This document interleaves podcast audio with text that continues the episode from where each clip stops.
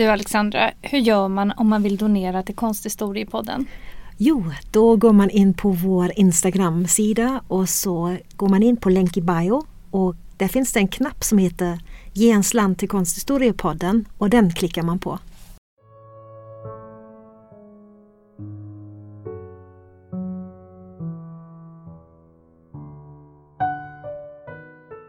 Hej och välkomna till Konsthistoriepodden. Jag heter Alexandra Frid. Och jag heter Alexandra Härlitz. Och idag ska vi prata om en bild som nog de allra flesta svenskar känner till på det ena eller andra sättet. Men som bara få människor vet något om. Och då detta är decemberavsnittet valde vi ett verk som förknippas med jultiden i högsta grad. För den finns reproducerad på julservis, som porslinsljusstake, på julklappspapper, på kort på pepparkaksburkar. Ja, bilden finns verkligen överallt i jultider.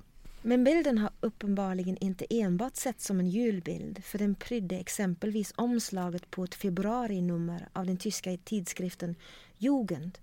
Så denna bild passar in året om och platsar i vår podd för den kan man även lyssna på när det inte är jultider. Verket vi ska prata om idag är Carl Larssons målning Britta med julljus från 1900.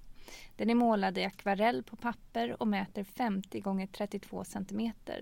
Den är idag i privat ägo efter en auktion i december 2011 då den såldes för 5 miljoner kronor. Det är en bild som berättar för oss om den tilltagande kommersialiseringen av julen vid förra sekelskiftet. Men den kan också berätta om konstnärens nya möjligheter att sprida sina alster både över nationsgränserna och till samhällets alla klasser. Den kan berätta för oss hur arbetarklassen började pryda sina hem med reproduktioner av bilder som de tyckte om. Och den kan också berätta för oss om hur verken av en berömd och folkkär konstnär inom loppet av inte ens ett århundrade kunde bli uttjatade på grund av massproducerade reproduktioner som översvämmade marknaden när bildrättigheterna släpptes fria. I målningen Brita med julljus, eller Brita som Idun, som den också ibland har kallats, ser vi framför en helt vit bakgrund en vänligt leende liten flicka i sjuårsåldern med långt utsläppt rödblont hår. Hon bär en röd klänning med vita accenter och en röd pösig luva med en tofs. Nedtill har hon på sig svarta strumpbyxor och ett par pälsskor med svarta band och röda detaljer. I sin ena hand håller hon en flätad spånkorg som är fylld till hälften med rödgula äpplen. Den ser ut som en så kallad vomhuskorg som är typiskt för Dalarna. I den andra handen håller hon tre levande ljus. Varje ljus håller hon mellan två fingrar. Stearinljusens nederdelar är omlindade av metalltråd. Revarna hänger ner en bit och är dinglande rödgula juläpplen fastkrokade. Lilla Britta verkar befinna sig i ett vitt vakuum men ändå är hennes skugga återgiven med lätta penseldrag med lite pigment och mycket vatten. Längst nere till höger ser vi Carl Larssons lätt igenkännbara signatur bestående av initialerna CL. Men vem är den här Carl Larsson vars bilder har blivit en självklarhet i vår bildkultur, inte minst vid juletid?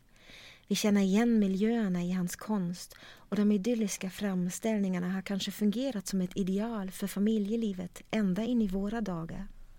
Carl Larsson föddes den 28 maj 1853 och dog den 22 januari 1919.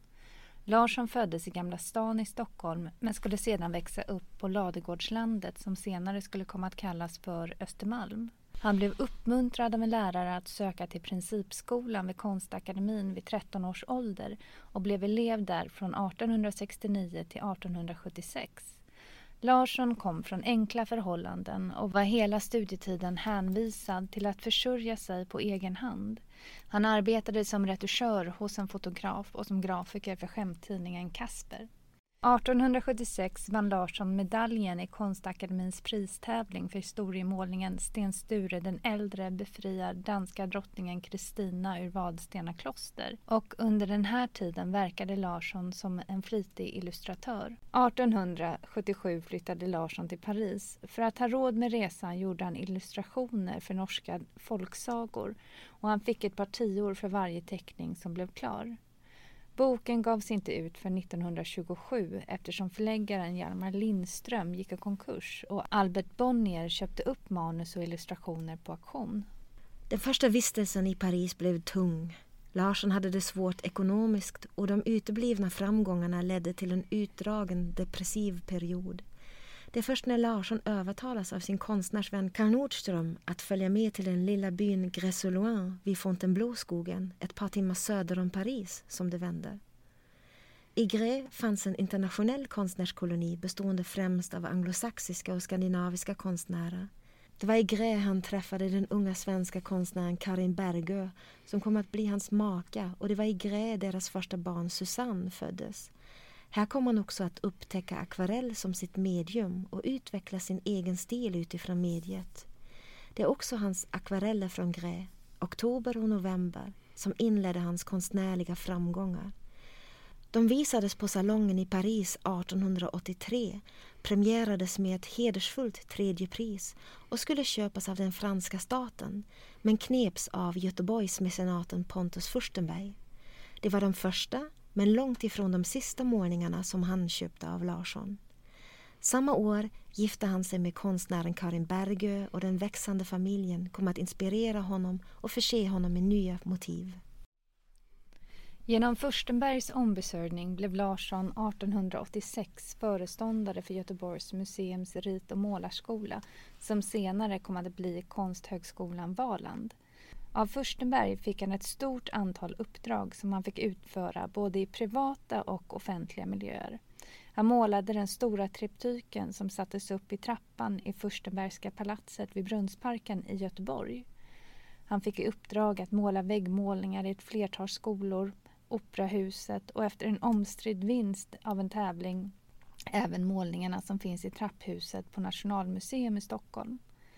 Det som är lite roligt är att han själv såg sig främst som monumentalmålare medan man i allmänhet förknippar honom med just de småskaliga familjebilderna i akvarell. 1894 fick paret Larsson gården Lilla Hyttnäs i Sundborns socken i Falu kommun i Dalarna i present från Karins fastra som bott där tidigare. Den växande familjen använde gården som sommarnöje innan de flyttade dit permanent 1901. Medan Karl och Karin huvudsakligen bodde på Lilla Hyttnäs bodde barnen i Falun där familjen hade vad de kallade ett skolhushåll. När barnen gick i skolan i Falun bodde de först i en hyrd våning sedan i ett litet hus i stadens norra del. Larsson-barnen verkar i alla fall haft ett starkt band till Lilla Hyttnäs då de senare även kom att lägga till namnet Hytte som tillnamn vilket noterades i kyrkoböckerna. Namnet ska vara valt efter Hyttnäs. Efter flytten till Dalarna fortsatte Larsson som han egentligen gjort under hela sitt konstnärskap och målade motiv som fanns runt omkring honom. Interiörer, frun och barnen. Och det är just bilderna från Lilla Hyttnäs som kanske först dyker upp i mångas tankar när man nämner Carl Larsson.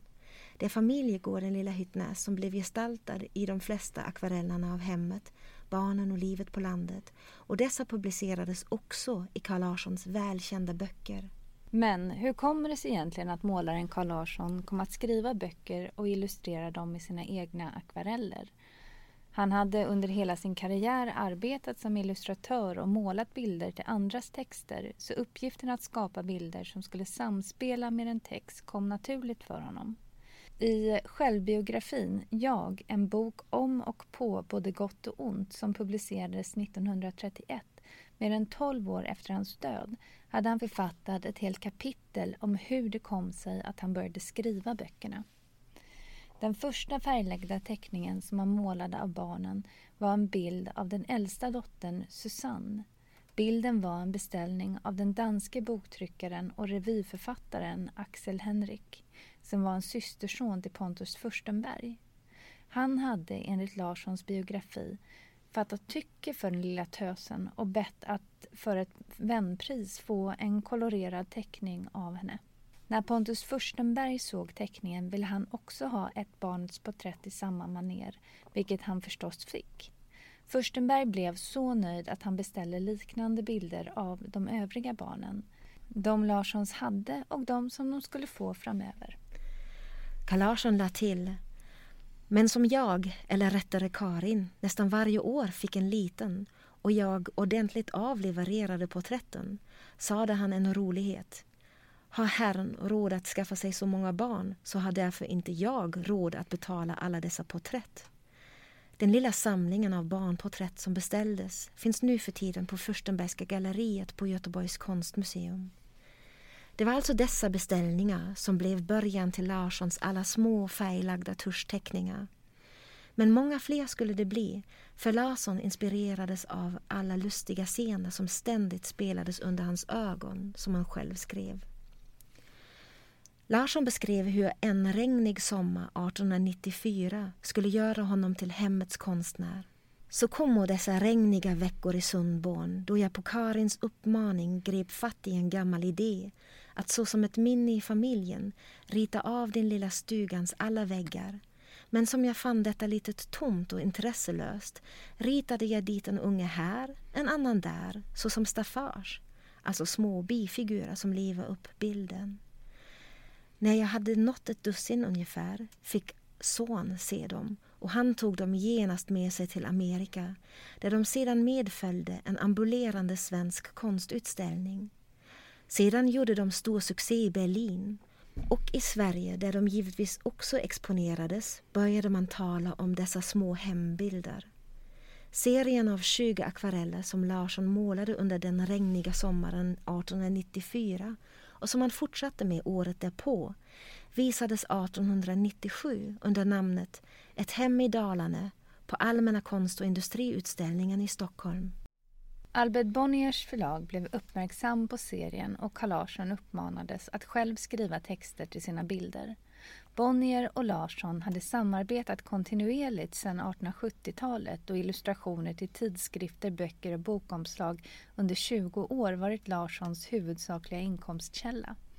Carl Otto Bonnier på förlaget hade uppfattat Larssons bilder som ett budskap om ett nytt boende och livsideal och planerade för en elegant men samtidigt modern lyxutgåva i stort format. På självaste julafton 1898 började Carl Larsson skriva texten till boken Ett hem. 1899 trycktes serien upp som bok i färgtryck i en upplaga om 3000 exemplar.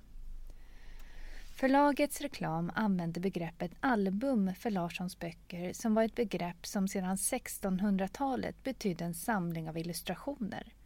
Förmodligen skulle denna beteckning inte enbart referera till bokens form utan också hänvisa till en ny konstgenre. Larssons böcker är enligt den gängse definitionen inte illustrerade böcker då bilderna är sekundära och inte skapade i funktionen att ackompanjera texten. Snarare kommenterade Larsson det befintliga bildmaterialet med egna anekdoter och lärosatser. Också självbiografiska förklaringar utan direkt referens till de återgivna akvarellerna lade han till. Så uppstod en bokform i vilken bilden till och med var viktigare än texten. Precis i tid inför julhandeln fanns albumet Ett hem till ett pris av 12 kronor styck i bokaffärerna. Detta album blev så populärt att Larsson skrev flera böcker såsom Larssons 1902 Spadarvet 1906 och Solsidan 1910. Akvarellerna från Ett hem förvärvades år 1900, året efter de publicerades, av Nationalmuseum i Stockholm. Det är denna bildserie tillsammans med de andra publikationerna från Sundborn som gjorde Carl Larsson berömd på riktigt, långt utanför Sverige dessutom. Framförallt i det vilhelminska Tyskland där Carl Larssons böcker och bilder kom så småningom att avnjuta en otrolig popularitet. Målningen Britta med julljus har också en historia på tysk mark. Men nu får vi ta det från början. Akvarellen Britta med julljus målades på beställning av den svenska tidskriften Idun som önskade ett omslagsmotiv av Carl Larsson för tidskriftens julnummer 1901.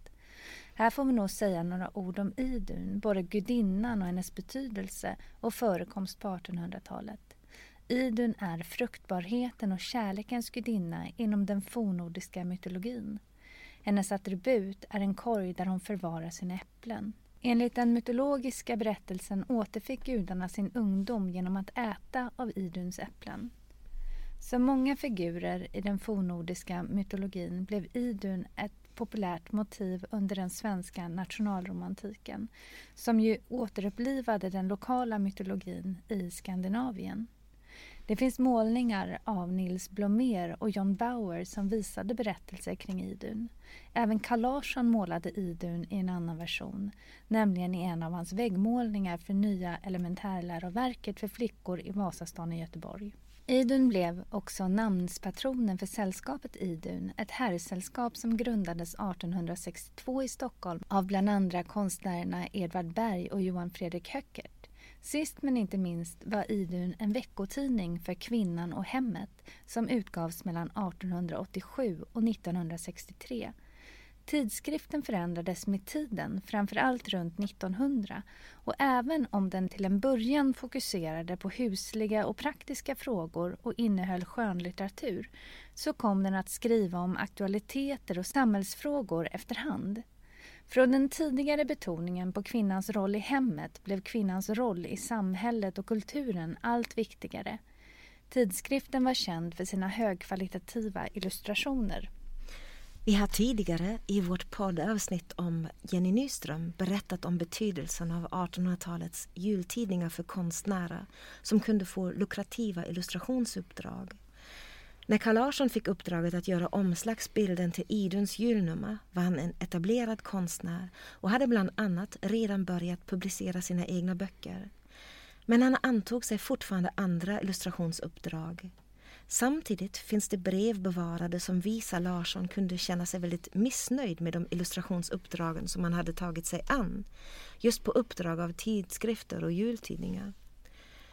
Under sommaren 1900, året då han tog emot uppdraget för Iduns julnummer, skrev han till ingenjören och konstsamlaren Carl Robert Lamm och här sitter jag och arbetar drygt med bilder till tre jultidningar, vilka jag, mitt svaga kräk, lovat något. Och nu ritar jag och plitar och svär och gråter. Men trots tvivlen och prestationsångesten skulle det så småningom bli en bild till Iduns julnummer. Den 16 januari 1901 noterade Carl Larsson i sin räkenskapsbok en kolorerad teckning efter Brita såld till Iduns julnummer 400 kronor. Och även detta motiv kom till honom genom inspiration från familjelivet och hustrun Karin Larssons nytänkande barnmode. 1937 blev Larssons döttrar Kersti och Brita samt en liten skara barnbarn intervjuade av tidningen Idun och i den här artikeln berättade kvinnorna att Mor Karin själv hade sytt den tomteröda klänningen och luvan och när pappan fick se henne komma med äppelkorg och tända ljus kommenderade han genast ”Stå still!” Larssons ungar kunde stå stilla länge med ett leende. De visste att det vankades modellpeng, en krona, kanske till och med två och det var mycket på den tiden. Hur den är med den här berättelsen om hur Brita verkligen kom gåendes med tända ljus så är det helt solklart att Karin Larsson hade sytt upp den röda klänningen. Karin Larsson var själv konstnär och utbildad i kvinnoklasserna vid Konstakademin i Stockholm och i olika målarskolor i Paris, till exempel på Académie Julian. När hon träffade sin blivande make i konstnärskolonin i Gressoloin utanför Paris arbetade hon sida vid sida med honom. Efter giftermålet föddes Larssons åtta barn. Susanne, Ulf, Pontus, Lisbeth, Britta, Mats som dog som spädbarn, Kersti och Esbjörn och Karins konstnärskap fick träda åt sidan för familjelivet. Men hon slutade inte att vara konstnärligt verksam. Istället för målningar skapade hon textilt konsthantverk som gardiner, kuddar och dukar hon designade möbler och hon ritade och sydde kläder till sig själv och barnen. Vad som gäller hennes mode kan betonas att hon vågade gå emot det vedertagna modet med betonad getingmidja och korsettering. Som en naturlig förklaring för sin klädstil har man sett hennes många graviditeter. Redan i målningar från början på 1890-talet ser vi Karin Larsson bära svepande klänningar, gärna med höga kragar och vida ärmar som avslutades med breda manschetter. Från en besparing ovanför bysten började klänningens vidd. Kvinnor som inte bar korsett utan löst hängande kläder sågs vanligtvis som kvinnor med lös moral. Men genom de höga officerskragarna och fåbogsärmarna som hon använde i sina kläder åstadkom hon ett sedligt intryck. Karin Larssons klänningar hade alltså en grundform som var klädsam men också bekväm. Dessa sägs ha varit inspirerade av den engelska artistic dress-rörelsen som var verksam under andra hälften av 1800-talet och som skapade medeltidsinspirerat mode som hade en friare form och sågs som mer hälsosamma än tidens obekväma korsettmode. Trenden kom snabbt till Sverige som blev en ledande nation av det nya modet. Klänningarna kom att kallas för reformklänningar. 1886 bildades Svenska dräktreformföreningen med syfte att skapa hälsosammare kvinnokläder utan Parismodets hårt korsetterade midja, överdådiga dekorationer, turnyren över stussen och fotsida kjolar. En annan inspiration som man har identifierat i Karin Larssons reformklänningar var konstnärsrockens snitt som ju var ett arbetsplagg hon var van att bära.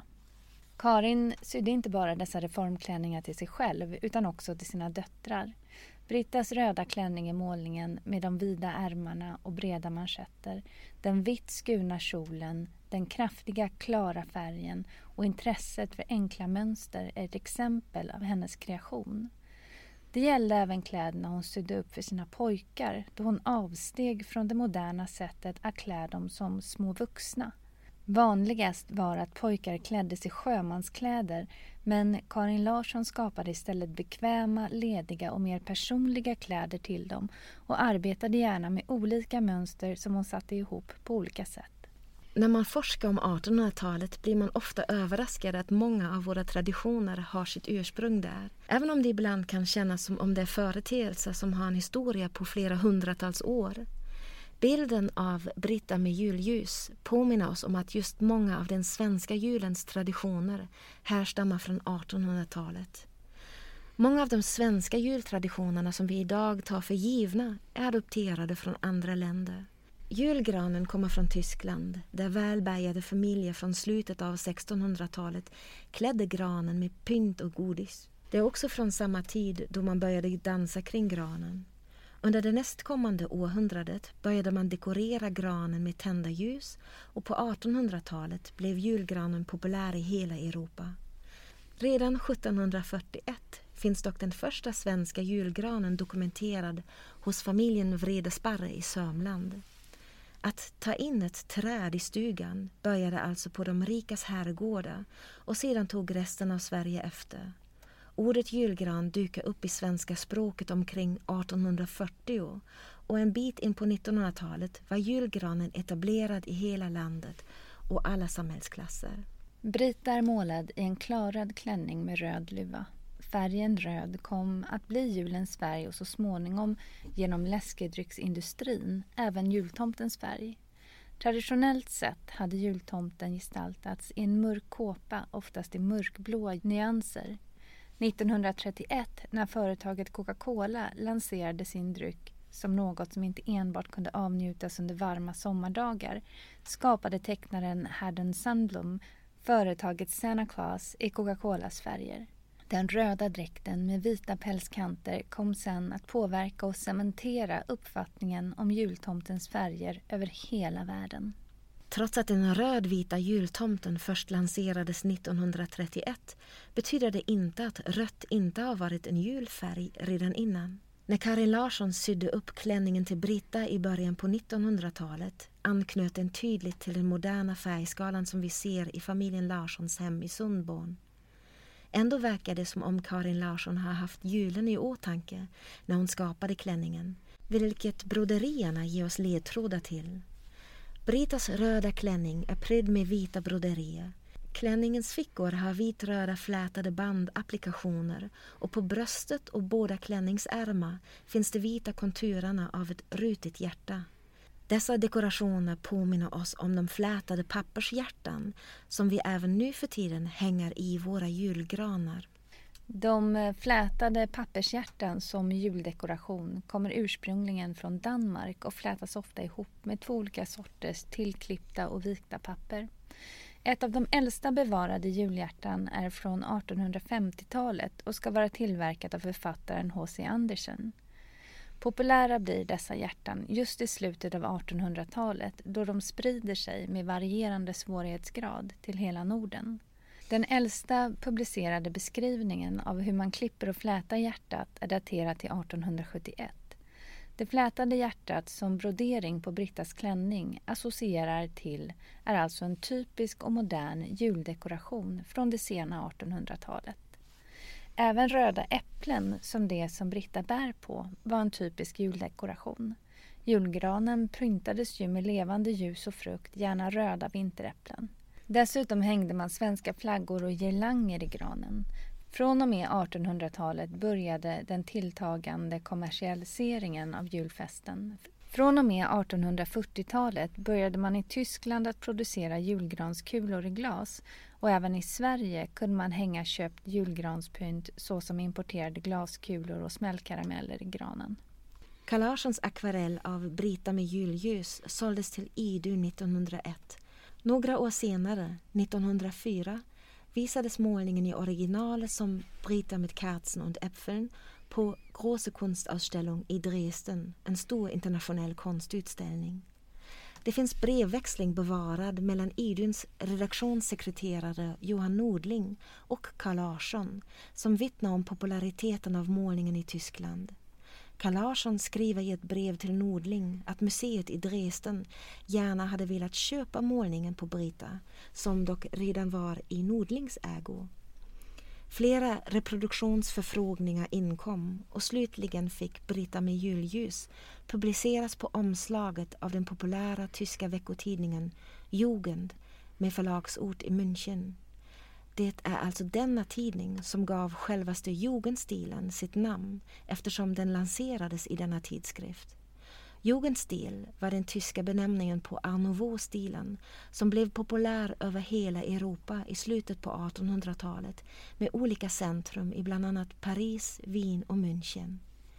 I februari 1905 fick akvarellen Brita med julljus vara titelbild på Jugend Bilden som från början skapades till julnumret av Idun visades alltså utan julkontext på ett februarinummer i Tyskland. Betydelsen av modellens röda klädsel som anspelade till julen och äpplena som är Iduns attribut verkar ha gått helt förlorad på vägen från Sverige till Tyskland.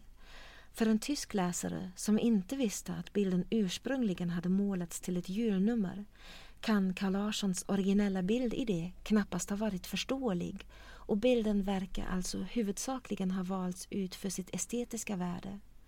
Samtidigt verkar det absolut ha funnits en djupare tanke med omslagsbilden. Jugend betyder ungdom på tyska och det var ju just ungdomen som gudarna återfick när de åt av Iduns äpplen. Brita med julljus är inte den enda av Carl Larssons målningar som reproducerades i den tyska tidningen. Mellan 1905 och 1908 publicerades elva av hans målningar i veckotidningen Jugend och gav hans verk en ännu större publicitet i Tyskland som bådade gott inför publikationen av hans album som med stora framgångar såldes i en sammanslagning under namnet Das Haus in der Sonne. Vi har ju inte pratat så mycket om målningens formspråk ännu. Carl Larssons stilistiska uttryck i de färglagda tuschteckningarna är mycket signifikant för honom. Det är under 1890-talets första hälft då Larssons måleri utvecklas mot en starkare stilisering. Det sägs att han i mitten av 1890-talet utvecklade den linjestil med betonade svarta konturlinjer i sina akvareller som kom att bli hans signum. Första gången han arbetade konsekvent med dessa förstärkande linjer var i akvarellerna som han kom att publicera i Ett hem som är serien som gjorde honom berömd. Egentligen är det inte så märkligt att en konstnär som i så hög grad har arbetat som illustratör använder sig av betonade konturlinjer. Men man har i Carl Larssons verk identifierat ett antal inspirationskällor för hans så kallade linjestil. Jugendstilen med dess förkärlek till stilisering, ornament och det dekorativa har nämnts som en viktig inspirationskälla. Den engelska konst och konsthantverkstidningen The Studio som publicerades i London från 1893 till 1964 var en viktig tidskrift för lanseringen av jugendstil eller art nouveau.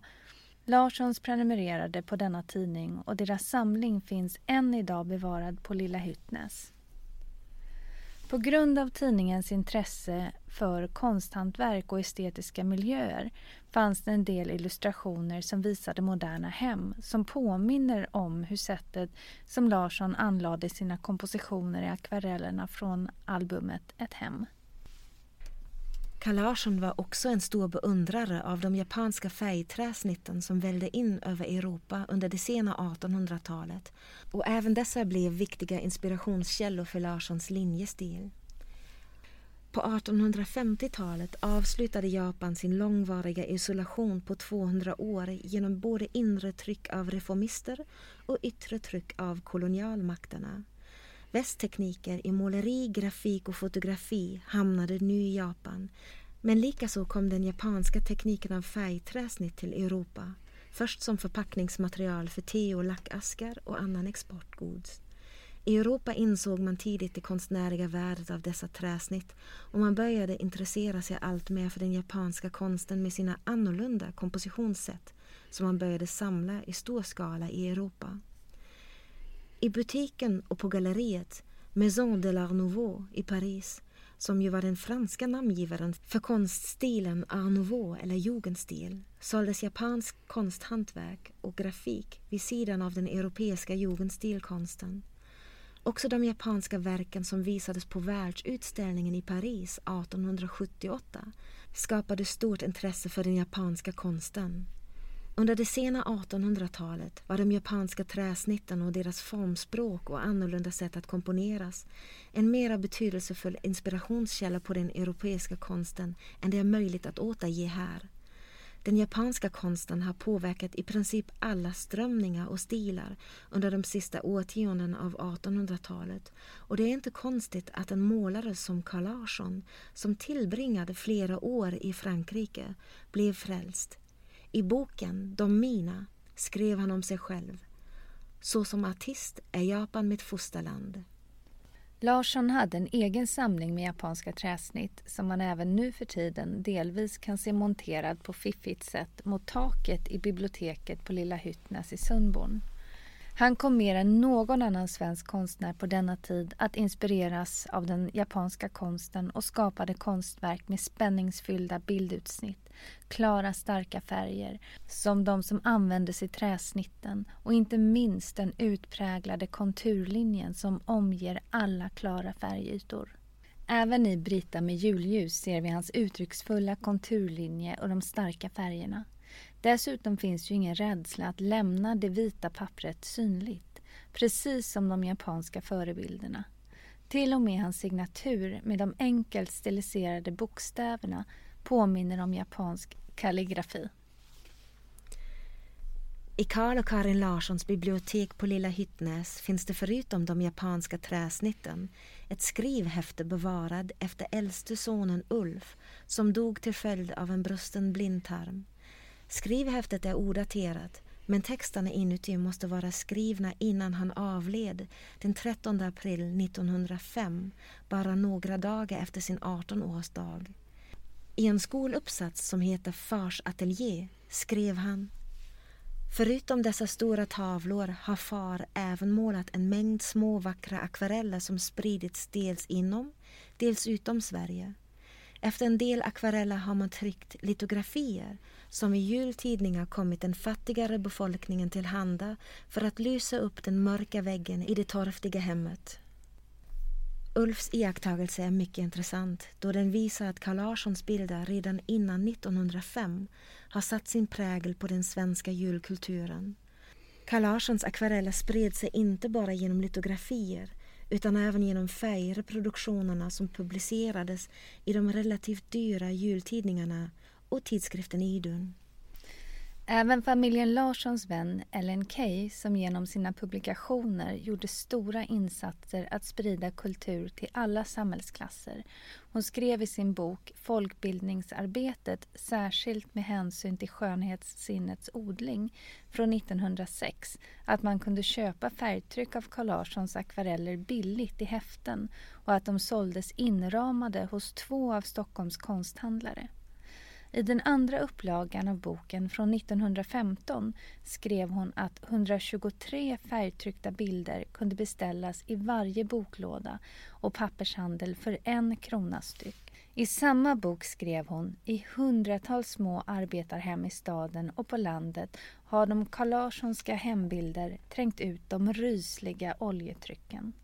Sundbornsidyllerna med sin ljusa lyckostämning har strött omkring sig skönhetsglimtar och utlyst lyckodrömmar där man förr ansåg skönheten var de rikas uteslutande privilegium.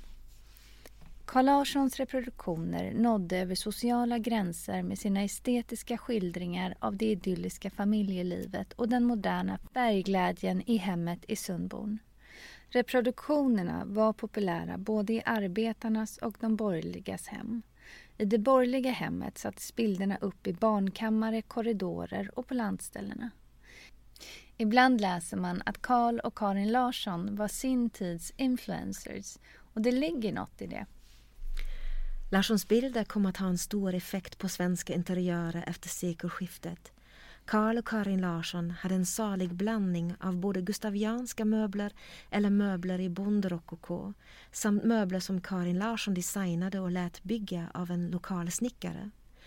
Inspirationen kom från den svenska allmogekulturen men även från den kontinentala modernismens abstraherade uttryck. En gungstol med ett modernt avskalat formspråk som Karin hade ritat 1906 sägs enligt familjelegenden ha levererats i mörkret av snickaren då han skämdes och inte ville förknippas med denna möbel för vars modernitet han uppenbarligen inte ännu var redo. Inspirerad genom Carl Larssons populära akvareller blev många svenska hem nu ljusare och mer färgstarka. Textilier och gardiner fick ett modernt utseende med abstrakta mönster i enlighet med Karin Larssons alster som syntes i makens bilder och det var många som målade sina möbler i lysande färger som rött, grönt eller vitt. Färgfabrikanterna anpassade sina sortiment och erbjöd moderiktiga färger i enlighet med Larssons akvareller. Genom mängden av reproduktionerna blev Carl Larssons bilder symboler för en viss livsstil.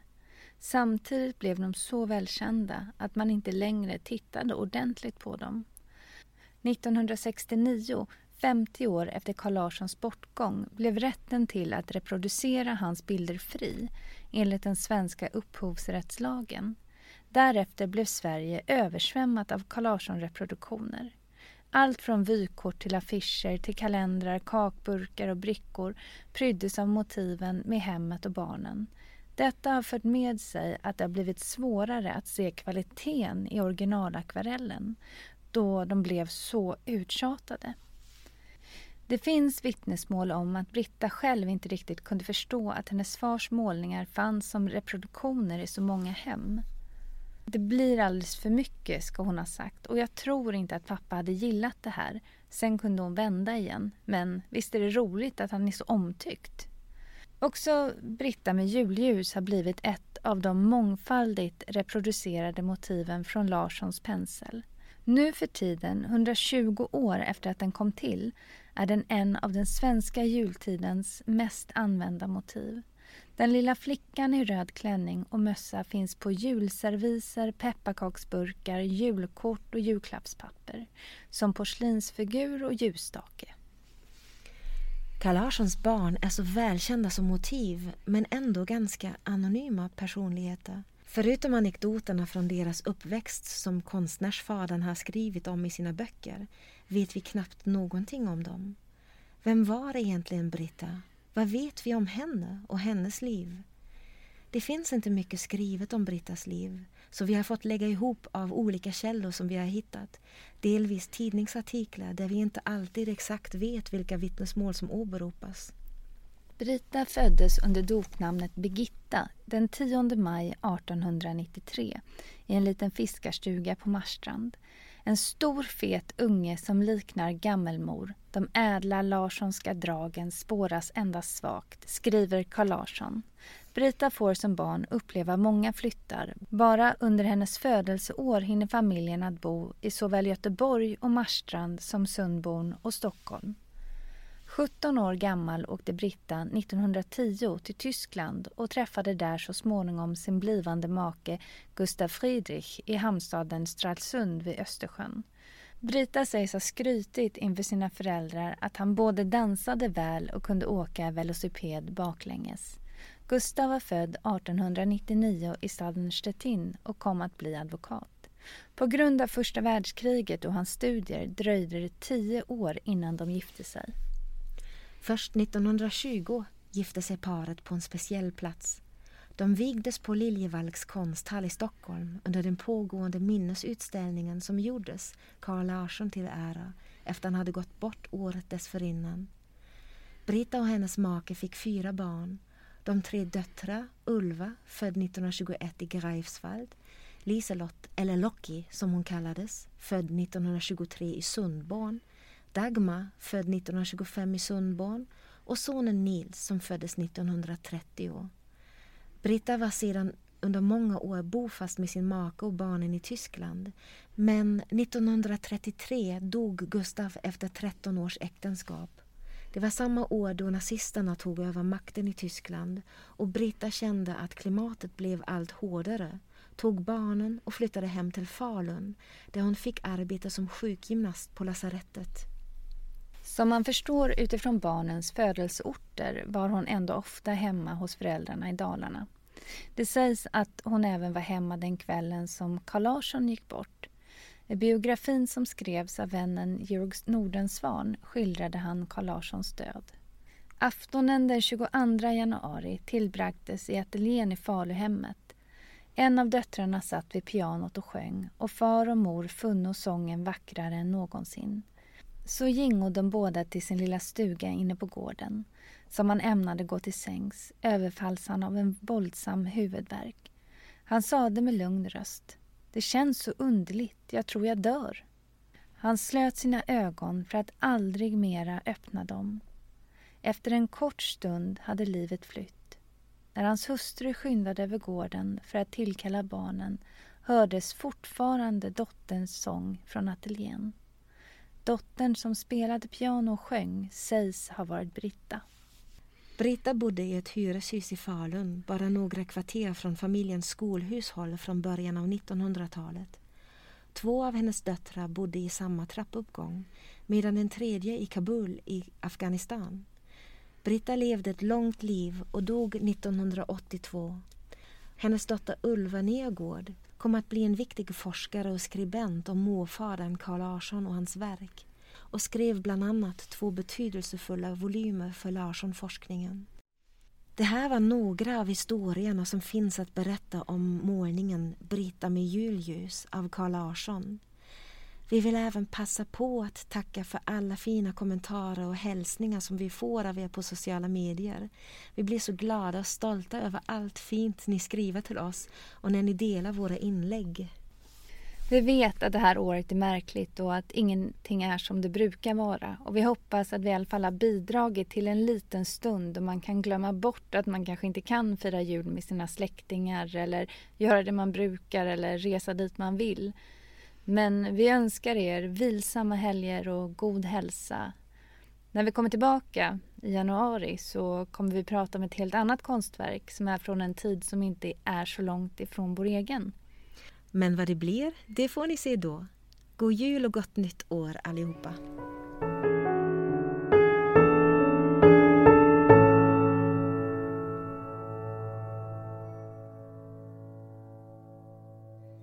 Konsthistoriepodden görs i samverkan med Göteborgs universitet och stiftelsen Gustav Adolf Bratts föreläsningsfond.